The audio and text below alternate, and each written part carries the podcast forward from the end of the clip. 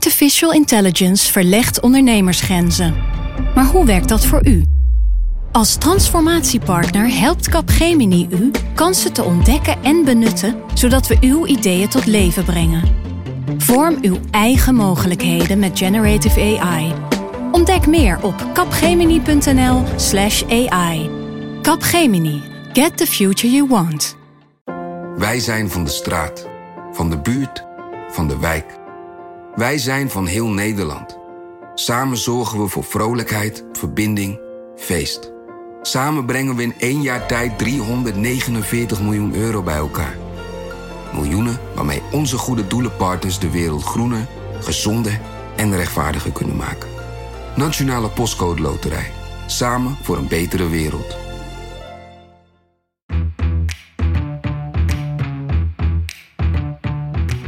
Dit is Haagse Zaken. Mijn naam is Lemja Aharoy. Ik heb allerlei romantische en minder romantische voorstellingen gemaakt van het begin hier. Ehm, maar dit had ik niet helemaal verwacht. Hij leerde iedereen kennen en hij wist ook, iedereen leert mij kennen. Nou, ik wil gewoon eh, normaal, normaal mezelf blijven, alsjeblieft.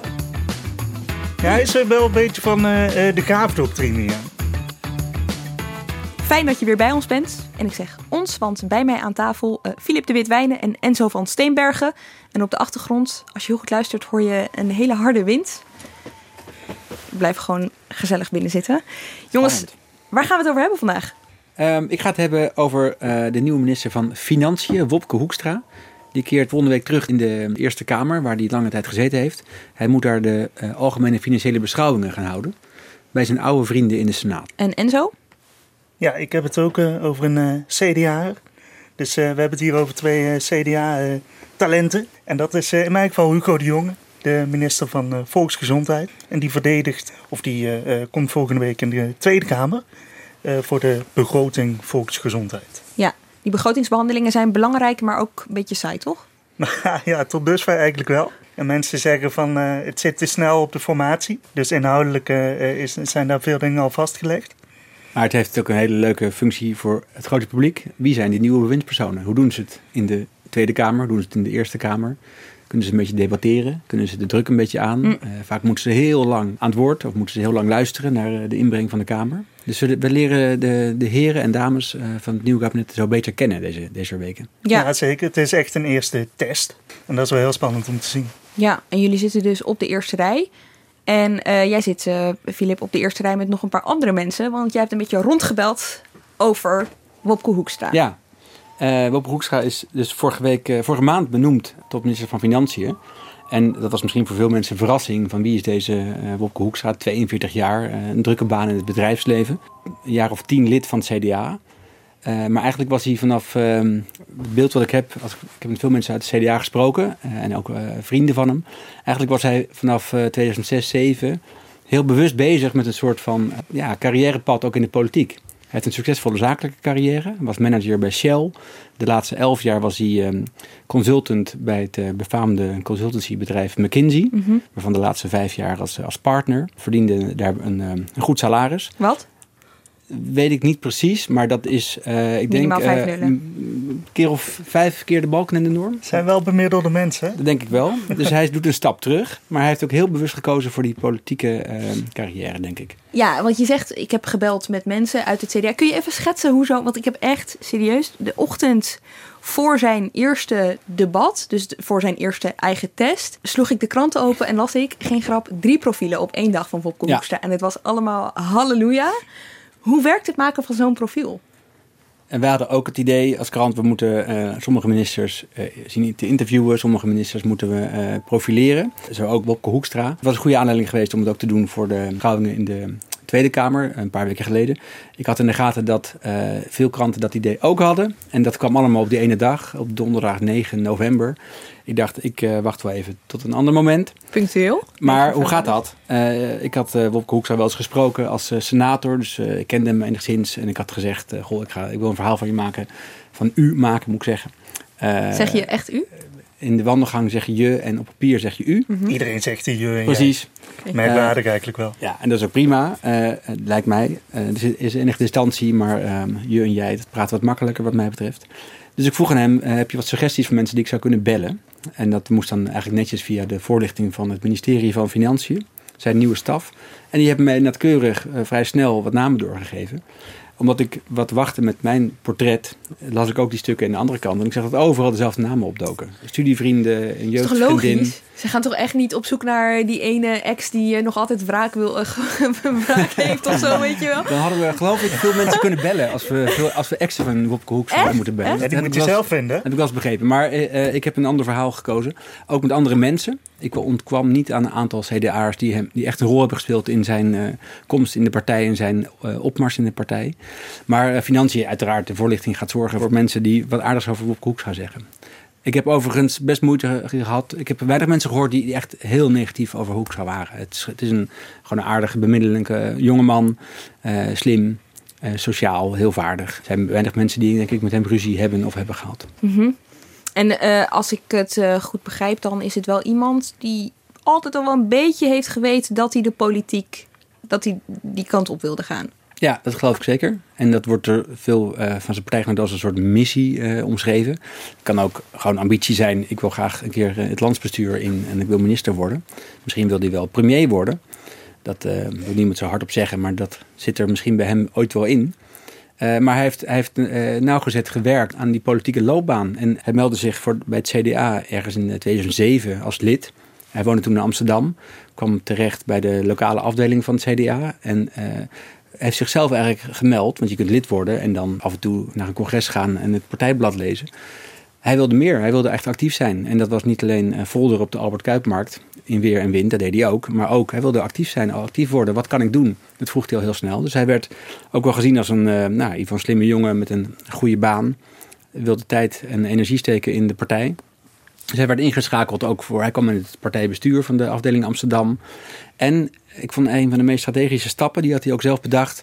Hij wilde wel in de redactie van het partijorgaan, dat ooit volgens mij CDA Magazine heette en tegenwoordig, of toen al CDA.nl.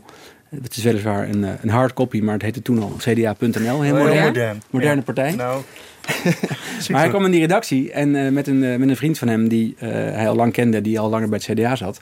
En hij had bedacht, ik ga een rubriek starten waarbij ik uh, bewindspersonen, toen uit het kabinet Balkenende 4, ga interviewen met een onbekend CDA-lid, twee naast elkaar in de woonplaats van de bewindspersoon, om een beetje persoonlijk te maken, over, om over het CDA te praten. Maar die rubriek die leverde hem in een paar jaar tijd een uh, goede kaartenbak op van alle bewindspersonen van het CDA. Slim en de partijvoorzitter. Ja, hij leerde iedereen kennen en hij wist ook, iedereen leert mij kennen. Ja. Maar dat is uh, zo bewust? Dat vermoed ik zeker, ja. Ik heb uh, ook uh, de vader van uh, Wopke Hoekstra gesproken. Emeritus hoogleraar. En die zei, dat was een prachtige rubriek, maar het was ook een grote Hoekstra-promotie. Ja, maar Filip, jij zegt van, die mensen zijn allemaal lyrisch over hem. Maar ik zou me ook kunnen voorstellen dat ze denken, nou, dus wel een beetje likken. Ja, dat zou heel goed kunnen. Uh, maar toch hebben de mensen uh, die hem hebben geïdentificeerd als een talent, uh, hebben gemeend, we moeten die man ook echt in de partij zien te houden en zien te, te brengen. En dat gaat om verschillende mensen. Om Onno Ruding, voormalig minister van Financiën, om Elko Brinkman, toen voormalig partijleider en later de lijsttrekker en fractievoorzitter in de Senaat. Dus eigenlijk een beetje de, de, de, de mentor van, van Hoekstra. Was hij dat ook? Hij was echt een coach? Ja, dus een soort van wel vader-zoon relatie tussen Elko Brinkman en, en Hoekstra. Maar het, proces van hem brengen in Den Haag, uh, daar heeft hij met dat soort mensen over gesproken. Met Jan Kees de Jager, de staatssecretaris van Financiën toen. En uh, dat was 2009, 2010. En er speelde toen één ander ding. Hij was gevraagd om zich te kandideren voor de Tweede Kamer. Dat vond hij waarschijnlijk een eervol verzoek, maar moest hij dat nou wel doen? Hij was toen 35, 34. Door iemand die daarvoor was verschenen op uh, cda.nl? Ongetwijfeld, want hij had ook de toenmalige partijvoorzitter in geportretteerd. En, uh, en Jan-Peter Balkenende, de premier. Dus men zag, die vent die werkt bij McKinsey. We, we hebben eindelijk weer eens een young professional in ons midden. Laten we die man naar, snel naar Den Haag brengen. De adviseurs waar hij mee sprak, die ik noemde, Onno Ruding, Elko Brinkman, die zeiden, maar dat is niet zo slim. Want dan moet je je baan opzeggen en je moet misschien nog een beetje proeven aan die politiek. Misschien vind je het wel helemaal niks. Probeer het eerst eens bij de Eerste Kamer. En daarvoor waren ook verkiezingen in 2011, een jaar later. Uh, daar, dat heeft hij toen uh, gedaan. Toen moest hij campagne voeren voor zichzelf om via de provincie Noord-Holland op de lijst te komen. Ja, dat kon niet wel. Dat kon hij wel. Hij kende al die mensen. Oh ja, had hij, bepaald, uh, had hij, had hij ook een soort steltje of zo? Deed hij het anders dan anderen? Uh, ik, ik, vroeg aan mensen, hebben jullie hem daar nog op moeten adviseren? Die hem graag wilden hebben. En die zei, nee, dat had, hoeft hem niet, hem niet uit te leggen. Hij kende, hij kende de wereld, letterlijk en figuurlijk. Maar hij kende ook, hij weet hoe je met mensen moet praten. Hoe je jezelf uh, op de kaart zet. Ja, dus en in de Eerste Kamer mocht hij natuurlijk zijn baan ernaast houden. Ja, precies. Dat was een deeltijdbaan. Uh, Eén dag in de week vergaderen, misschien wat voorbereiding. Dus dat is een hele goede leerschool geweest. Wat me wel opviel in zijn tijd in de Eerste Kamer is ook dat hij af en toe tegenstemde. Ja, hij, hij, is eigenzinnig, eigenwijs. En hij heeft... Uh, Ten opzichte van zijn eigen fractie dan? Precies. Hij heeft wel eens uh, een ander geluid laten horen dan zijn eigen fractie, dan de lijn van de fractie of dan de lijn van de partij zelf. In, het, uh, in zaken het gevraagde Oekraïne-verdrag waarover we het referendum hebben gehad, daar heeft hij tegen de lijn van partijleider Buma gestemd, die in de Tweede Kamer niet voor die aanpassing was die premier Rutte had voorgesteld toen. En Hoekstra zei, met overigens andere senatoren, dat is eigenlijk een prima, prima bijlage, we kunnen ermee instemmen. Is dat tricky? Is dat iets... Uh... Dat, dat, is uh, enigszins riskant als je tegen de partijleider uh, ingaat. Maar goed, Buma heeft het niet als een belemmering gezien om hem nee. te vragen. Nou weet ik niet helemaal of Buma nou tot zijn van nature fans hoort. maar ehm, hij heeft hem wel benaderd en gezegd... wil jij niet mijn minister ja. van Financiën worden? En toen werd hij dat. En toen heeft hij zijn test al gehad, hoe je het dan noemen. Want hij heeft al zijn algemene financiële beschouwing in de Tweede, Tweede Kamer, Kamer, gehad. Ja.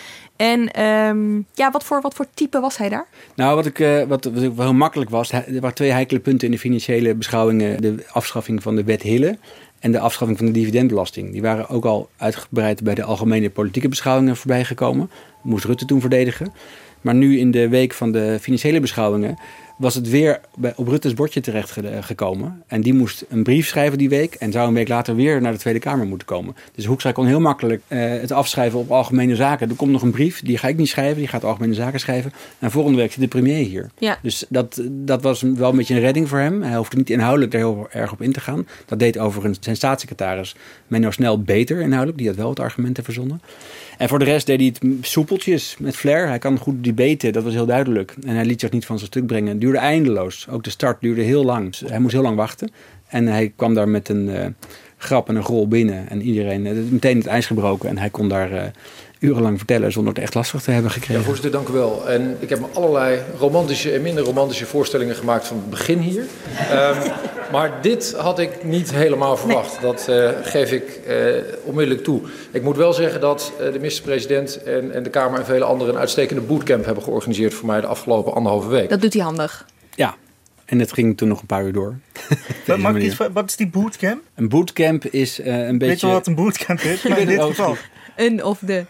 Oh, hij moest vrij lang wachten. Uh, hij zat daar om, het gaf dan om 11 uur begon, maar er kwam meteen een, een, een, een, een puntje van de orde.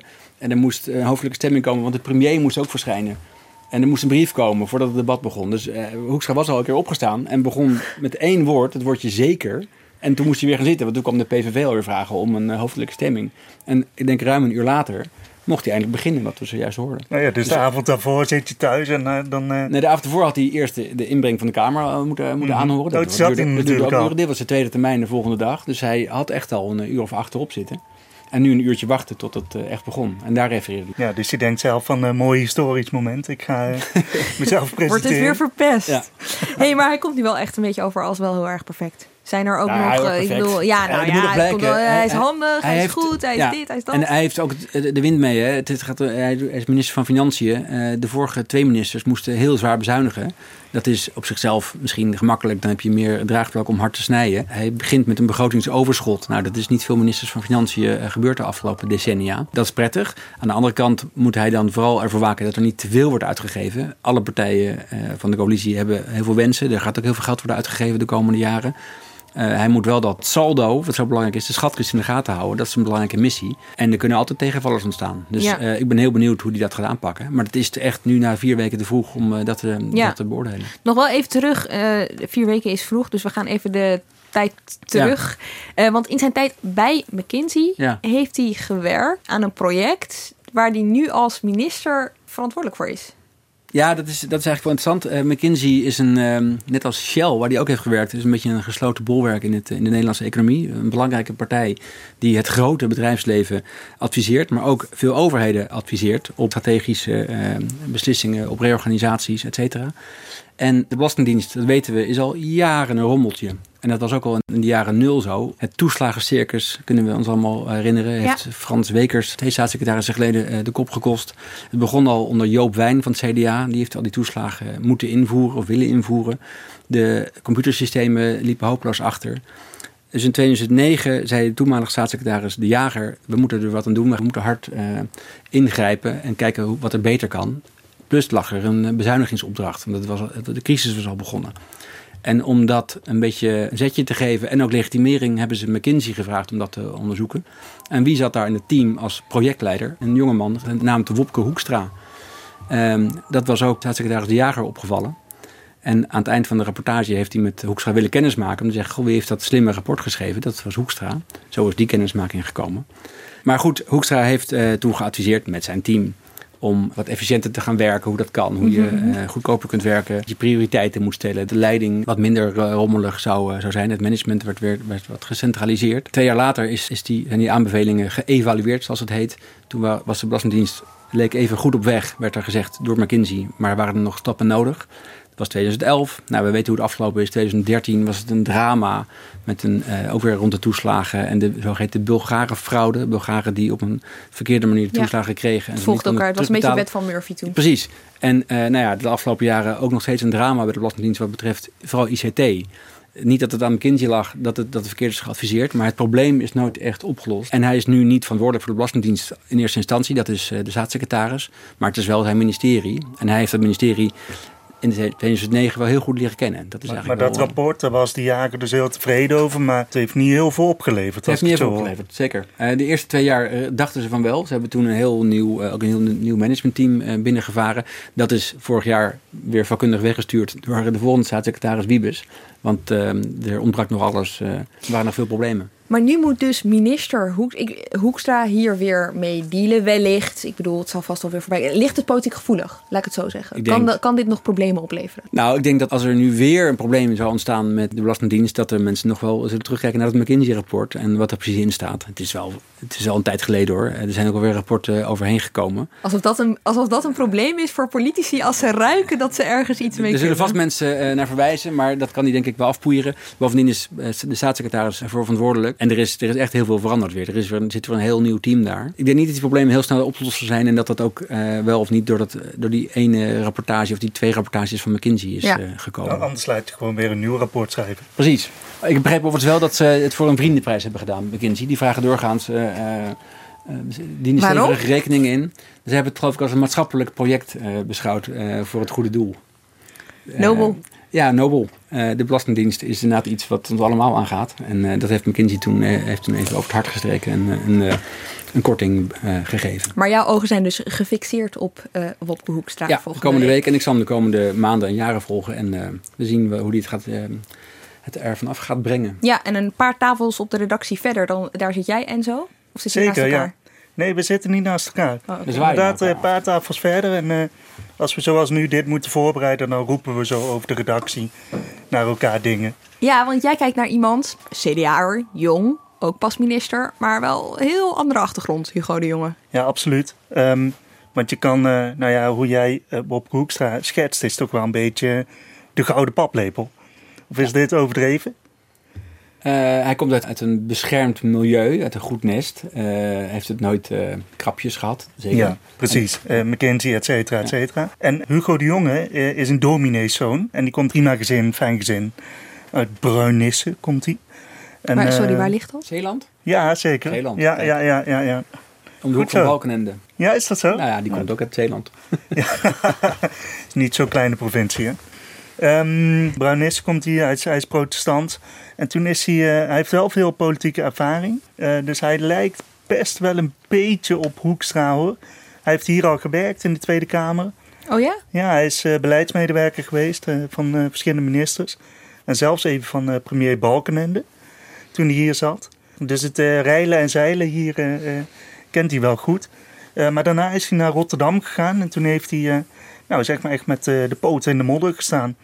Daar is was, daar, hij, eh, daar was hij wethouder toch? Wethouder, ja zeker. Eh, verantwoordelijk voor onderwijs en eh, zorg, was het belangrijkste. Heeft hij dat, ja, het is altijd een beetje, maar heeft hij dat goed gedaan? Zijn ze daar tevreden over hem geweest? Ja, hij heeft het vooral, eh, ja, hij heeft het goed gedaan. Ja. Hij heeft het toen hij afscheid nam, eh, voor- vlak voordat hij hier begon, heeft hij allerlei erepenningen gekregen. En eh, eh, cadeaus en eh, toespraken. En, eh, nou, allemaal heel emotioneel. En een afscheidsinterview van eh, volgens mij wel een half uur met eh, eh, RTV Rijnmond. Een Was lach er- en een traan. Ja, zeker. Ja, ja, zo'n sfeer was er wel. Hugo de Jonge, wethouder hier in Rotterdam, maar binnenkort vicepremier en minister van Volksgezondheid. Nu hier op het stadhuis, dat is dus een van de laatste keren dat u hier bent. Ja, van je wethouder naar u. Nee, je moet gewoon je blijven zeggen. Dat moet je gewoon doen. Dat deden we in de afgelopen jaren ook. En dat kan ook straks nog eh, prima. ja, u wilt echt eh, als een aanraakbare vicepremier zijn. eh. Nou, ik wil gewoon normaal, normaal mezelf blijven, alsjeblieft. Dus ehm, dus een van de laatste keren. Ja. Een afscheid.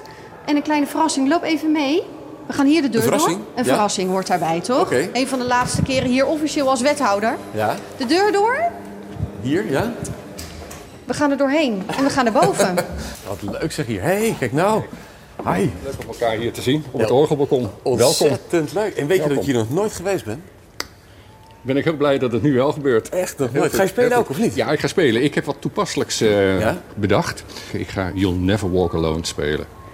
Als afscheidslied. When you walk through a storm. Dat vond je wel eh, ja. ja. mooi. Toch? Hartstikke mooi. Ja. Dus, hem maar. Leuk.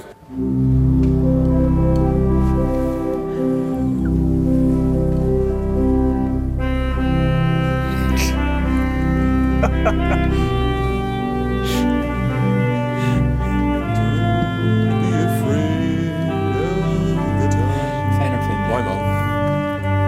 je zak ook, eh, Enzo? Nou, ik word er wel een beetje emotioneel van natuurlijk. De stem die je dus net hoorde was Hugo de Jonge zelf, hè? Ja. Die, die meezong met eh, Hij, het eh, Rotterdamse stadsorgel. hij komt bijna Ruttiaans over. Hey, leuk. Hey, hoi. Ja, hij is wel een beetje van eh, eh, de graafdoctrine, ja. Ja. Dat kun je wel zeggen. Hij is een, open, een heel open iemand. En eh, hij, eh, hij communiceert heel makkelijk. Eh, hij, is, hij laat zichzelf heel erg zien. Hij wordt heel persoonlijk. Ja. Ehm, ja, dat is natuurlijk wel. daarmee pak je mensen wel in natuurlijk. Hij is iemand die. ja, hij is niet bang voor persoonlijke PR. En, en ook niet voor het podium. Nee, dat merkten we ook al een beetje in aanloop naar zijn ministerschap. Dan komt het moment dat je nog moet opbiechten wat nog niet iedereen weet. Ja, Wat was dat in dit geval? I did inhale bedoel je? Nou, dat had ik alles opgebiecht. Oh ja, ja, ja van, dus, eh, dus, dus dat was geen oh, kwestie meer. Precies. Ja. Heeft u zelf wel eens gebloot? Nou, ik moet je zeggen, ik heb dat veel gedaan. Dan kan je je, je hoofd van je romp afblowen. En uiteindelijk word je nog wethouder in Rotterdam ook. Nee, ja, eh, helaas, ik moet je op dat punt echt teleurstellen. Ik had niet zo heel veel spannends eh, op te biechten. Alleen maar drugs eigenlijk. Eh, ja, joh, het is ook zo lang geleden. We gaan dat gesprek hier niet over zitten doen. Nee, nee. Is Wopke Hoekstra ook zo? Ja, dat geloof ik wel. Eh, ik heb hem laatst eens uit de ministerraad zien komen op vrijdagmiddag. en er stond een schoolklas klaar. En die gaan meestal eh, Rutte bespringen en selfies en dat soort dingen. Maar nu moesten ze Hoekstra hebben. Ze hadden geen idee wie het was, maar het was iemand uit de ministerraad. Dus het zal wel minister zijn. en dat liet hij zich goed wel gevallen. En daarna stond er een groep die zich kenbaar maakte als Syrische asielzoekers. En hij ging niet dezelfde grapjes mee uithalen. Ook op de foto en juichen. En dat vond hij allemaal geweldig. Hij deed heel populair. Beetje populair. maar die dachten gewoon van dit is eh, een, eh, een Nederlander van 2,50 meter. Ja. Dat heb ik nog nooit gezien. Ja, het zag- er ook raar uit, die foto's, denk ik. Maar de jongen dus, eh, minister nu. Van wethouder naar minister. En eh, ook op een departement dat het ook best wel vaak... Want dat- jij volgt eh, volksgezondheid al een tijdje. Zeker, ja. Best wel een lastig departement. Ja, heel lastig departement. Ik denk in dit geval dat CDA eh, best wel goed heeft gedaan. Als je naar de portefeuilleverdeling eh, kijkt, zullen we volgende week ook gaan zien in het eh begrotingsdebat. Dan heeft Hugo de Jonge gaat over, eh, eh, belangrijk voor hem is ouderenzorg. En nu komt er heel veel geld voor ouderenzorg. 2,1 miljard kan hij uitgeven. En zijn VVD-collega Bruno Bruins, wat een heel eh, vriendelijke, rustige man is. Oude buschauffeur. Ja, is, Echt, echt? Hij is ooit directeur bij Connection geweest, waar nu Fred Fred Teven Teven. op de bus gaat zitten. Heeft hij hem eh, binnen... Oké, nee. Nee, was nee, was lang weg. Sorry. Ga door met Hugo de Jonge. Ehm dan ben ik eh, de draad natuurlijk helemaal kwijt met je buschauffeur. Over Bruno Bruins die dan weer heel, Ja, heel rustig Bruins, is en wel de dus- lastige portefeuille. Bruno Bruins heeft een heel technische, moeilijke portefeuille. Die moet bijvoorbeeld, eh, eh, die gaat over medicijnbeleid. En eigenlijk mag hij minder uitgeven aan dure medicijnen. Terwijl er steeds meer dure medicijnen voor zeldzame ziekten komen. Nou, dan voel je al aan van dat dat schuurt. En daar heeft hij ook in de Kamer al eh, over moeten praten. Nou, dat heeft Hugo, Hugo de Jonge dus niet. En ze moeten ook op zorg best wel, best wel veel bezuinigen. In de ziekenhuiszorg bijvoorbeeld. 700 miljoen. Ook iets wat Bruno, eh, Bruno Bruins dus moet doen. Hugo de Jonge heeft echt onderwerpen waarmee hij zich heel erg kan profileren. En, en hij kan best wel wat geld uitgeven. Dus op zich, door het CDA denk ik, niet slecht gedaan. Lijkt me best lastig. Twee ministers, één departement. Eén heeft heel veel geld en de ander heeft, ja, moet eigenlijk overal geld vandaan halen. Ja. Dat kan me wel tot frictie leiden. Ja, dat zou zeker kunnen. Eh, als, het, eh, als ze het slim doen, dan komt dat allemaal niet naar buiten. maar ik zei, om, het, om het even heel praktisch te schetsen. Hugo de Jonge mag 2 miljard uitgeven voor verpleeghuizen. Maar ja, dat kan niet zomaar, hè? want je wil bijvoorbeeld extra personeel aannemen. Dat personeel is er niet. Dus eh, er blijft nog best wel lang, een, een tijdje blijft, blijft er meer dan een miljard op de plank liggen. Ondertussen moet Bruno Bruins tegen bijvoorbeeld doodzieke kinderen vertellen... er is een medicijn voor jullie, maar het is te duur eh, voor mij om te vergoeden, zou je denken. Nou, dan krijg je wat geld van de jongen. Maar ja, zo werkt het natuurlijk niet. Het gaat dan weer ten koste van de ouderenzorg. Ja, en, en daar zit dus die spanning inderdaad. Dus dat wordt de komende jaren, kunnen we nu nog niet zien... eh, hè, maar dat eh, wordt de komende jaren best wel spannend. Ja. Is dat gewoon eh, slim onderhandeld? Nou, het is eigenlijk een, een eh, switch. Want je zou kunnen zeggen dat Hugo de Jonge de portefeuille van Martin van Rijn heeft gekregen. En hij was, Martin van Rijn was staatssecretaris. Dus iemand met zeg maar minder macht dan de minister. Eh, en over het algemeen ook de minder moeilijke portefeuille. En ehm, Bruno Bruins heeft de portefeuille van Edith Schippers gekregen, die minister was. En terwijl Hugo de Jonge nu de eh, portefeuille heeft waar hij kan shinen, Ja. en de basis heeft Bruno Bruins heel veel moeilijke onderwerpen waarop die wat minder kan shinen. Ja, want hij is de baas hè, van het ministerie. Want eh, als er twee ministers zijn, dan is er telkens eentje die dan... Hugo de Jonge is de baas. Ja. Hij is vicepremier sowieso. En ja, dan heb je altijd eh, van en voor eh, eh, ministers. Hè? En eh, Hugo de Jonge is minister Ja. van. Die is minister van en eh, dan is Bruins minister voor. Ja, en ik, ik struikel hier altijd over. Maar eh Marieke Stellinga, die weet, weet er alles Ja, over. want we hebben het er al eerder over gehad in aflevering 5 van Haagse Zaken. Als je alles over wil weten, dan moet je absoluut die eh, aflevering terug gaan luisteren. Maar je zegt Martin van Rijn. En dan moet ik, dan denk ik meteen Aan zijn moeder. Aan zijn moeder. Weet je nog, die, die aflevering dat hij bij Pauw zat en eh, zijn moeder, nou Ja. ja, daar was een verhaal over naar buiten gekomen dat ze in een verzorgingstehuis eh, zat waar het heel slecht ging. En toen moest hij zich daar gaan verantwoorden bij Pauw aan tafel.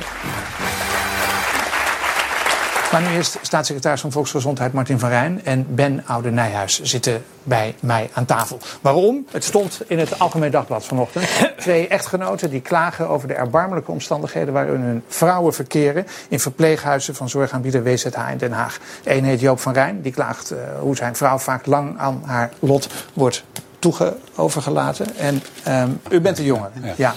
U, uw vader klaagt over de toestand waarin uw moeder verkeert, zijn vrouw. Schrikt u daarvan als u dat leest? Of wist u Nou, dat allemaal al? Elke keer weer. En we praten daar natuurlijk ook vaak over. En eh, ik denk dat. eh, eh, nou, ik weet dat mijn vader is nog elke dag verdrietig dat hij niet meer elke dag zijn vrouw in huis kan hebben. Gaat er twee keer per dag naartoe.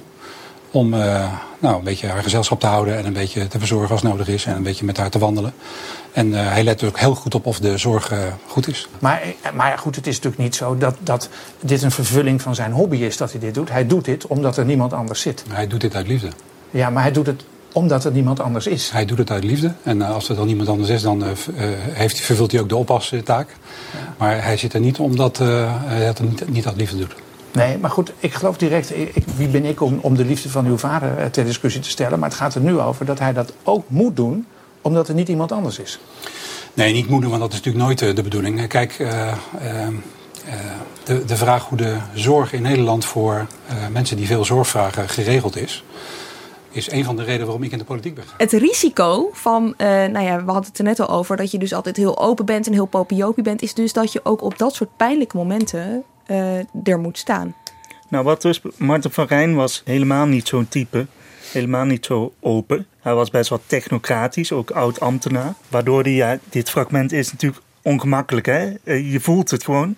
Je voelt het bijna door je luidsprekers. Maar eh, Hugo de Jonge is, eh, is meteen vanaf het begin wel heel open en persoonlijk geweest. En wat ik, als ik met mensen spreek hier in de Kamer...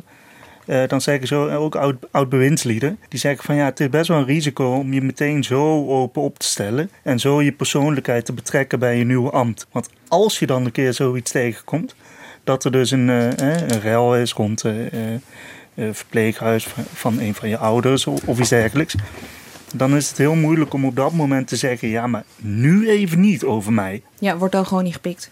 Of tenminste, het komt een beetje gek over. Het komt, het komt raar over, ja. Weet, weet je of zijn ouders uh, al zo oud zijn dat ze in een uh, verpleeghuis zitten? Nee, eerlijk gezegd niet. Hij is nog vrij jong. Hij is 40, denk ik. Ja, hij is 40 jaar. Allebei heel jong, hè? Want Wopke Hoekstra is dus ook begin 40. 42. 42. Ja. Zij kenden elkaar al wel eventjes van voordat zij minister werden, toch? Ik zou denken van wel, want voor mij zijn ze al beide uh, een jaar of tien zichtbaar in de partij als, als maar, talenten. En worden ze zo her en der ingezet ja. door mensen uit de partijtop. Van, de jongen weet ik niet helemaal precies, maar Hoekstra heeft echt wel wat, wat klussen gedaan um, voor, um, nou ja, uiteraard de Eerste Kamer natuurlijk. Ik maar ook het verkiezingsprogramma, dat hebben zij in Oh ja, nee, dat was, net, dat was eigenlijk een beetje tragisch. Uh, Wopke Hoekstra was aangezocht in het, vorig jaar om het verkiezingsprogramma te schrijven. In zijn eentje. En dan zou hij met een soort enquête onder de, onder de leden, geloof een top 1000, zouden ideeën kunnen inbrengen. En hij moest het in zijn eentje gaan schrijven. In plaats van een hele grote uitgebreide commissie. En toen werd. Is dat bijzonder? Ja, want de meeste, meeste partijen hebben een commissie van acht of van twaalf mensen. En dan krijg je altijd gedoe en ruzie en, en onderhandelingen. Dus heel veel vertrouwen, hè? laat dat zien. Hè? Oh, zeker, ja. En ook, ook een, uh, ja, veel vertrouwen, maar ook een test van of hij het allemaal goed zou, zou, zou, kunnen. Toen werd zijn, uh, een van zijn kinderen werd, uh, ernstig ziek. Toen is hij een paar maanden eruit gegaan. en toen heeft hij de klus gelaten aan een paar andere mensen, waaronder Hugo de Jonge. Dus die heeft zich toen bemoeid met het verzamelen van ideeën en het redigeren daarvan. Uiteindelijk aan het eind van het jaar uh, heeft Wopke Hoekstra wel weer het programma gebundeld en verdedigd. Zowel voor het partijcongres als voor um, de media. Hij heeft het wel weer teruggepakt. Ja, hij was ja. zeg maar, de, ja, de hoofdredacteur Mhm. van, dat, uh, van dat programma. Maar je kan je dus helemaal voorstellen dat dit twee mensen zijn die... Uh, nou ja, misschien niet bovenaan uh, Buma's telefoonlijst staan... maar met wie gewoon veel contact is en die binnen de partij echt wel bekend zijn. Die wel bovenaan de telefoonlijst staan, of niet? Ja, nou ja ik, ik denk dat Buma wel vaker met, ja, toch? Ja, okay. met, met misschien zijn familie belt of zo, maar hè, ze zijn goede bekenden. En zijn assistent. Maar ja, ja. en wat, wat, het beeld wat we beide met je hebben van deze beide jonge, uh, jonge heren is dat ze um, ja, ook een beetje echt gescout zijn van dit zijn politieke talenten, die moeten we uh, gaan inzetten. En die kunnen misschien op termijn partijleiderschap overnemen mocht Buma, die is nog, nog niet zo ver om te stoppen, die heeft nog wel heel veel plannen. Maar als Buma over een tijd, hij is 52, wel afzwaait, dan moet hij ook worden opgevolgd. En uh, bij een goede, goed georganiseerde partij ga je op tijd kijken naar uh, potentiële opvolgers. En wij vermoeden dat, ook al kennen Hugo en Wopke elkaar vast heel goed, dat ze ook elkaars concurrenten al zouden kunnen worden op dat gebied. Ja, dat is natuurlijk dat is best wel spannend. En, ja. en dit zijn ook dingen, hè, die kunnen wij... Uh, op de redactie naar elkaar roepen. Ja. Uh, en uh, dat zijn ook geruchten die de ronde doen. Maar zij zullen daar zelf veel voorzichtiger mee zijn.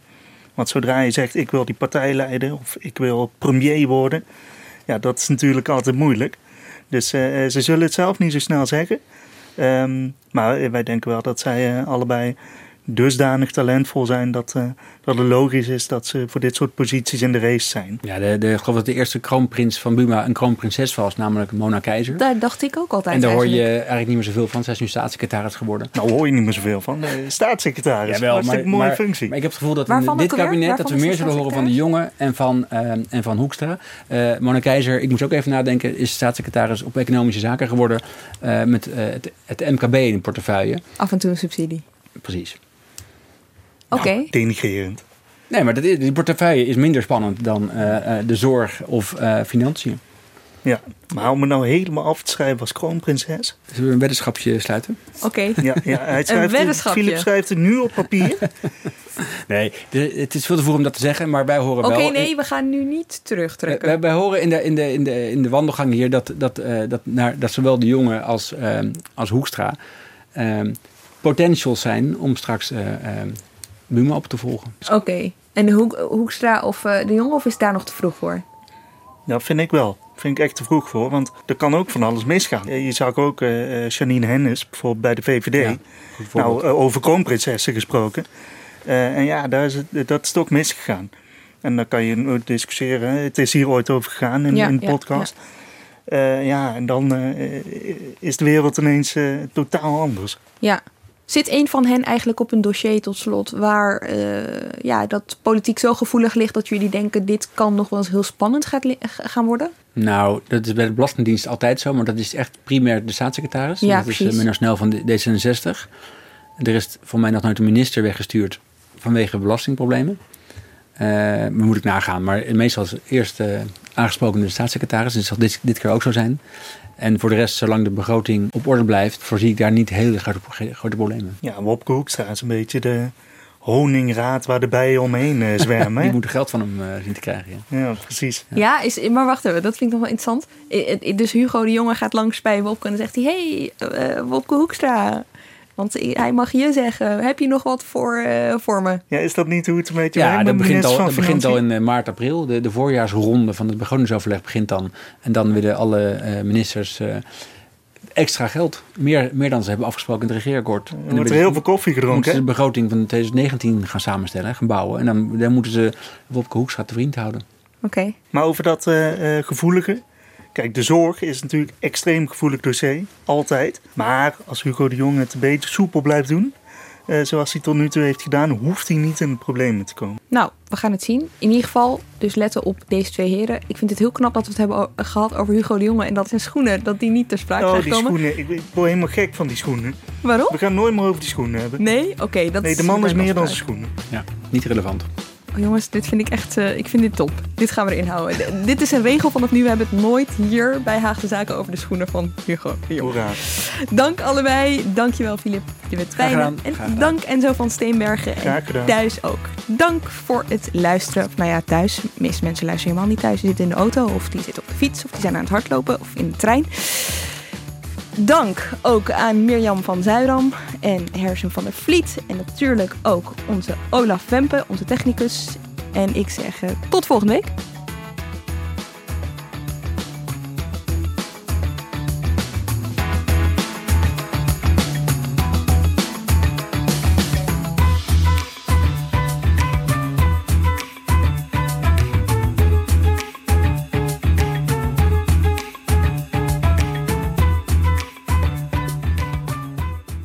Je hebt aardig wat vermogen opgebouwd. En daar zit je dan, met je ton op de bank. Wel een beetje saai, hè? Wil jij, als belegger, onderdeel zijn van het verleden of van de toekomst? Bridgefund is een slimme fintech die een brug slaat tussen de financiële behoeften van ondernemers en van beleggers. Dus wie belegt bij Bridgefund krijgt niet alleen een mooie vaste rente, maar brengt ook ondernemers in beweging. Echt waar, met die ton kan je zoveel betere dingen doen. Bridgefund. Make money smile.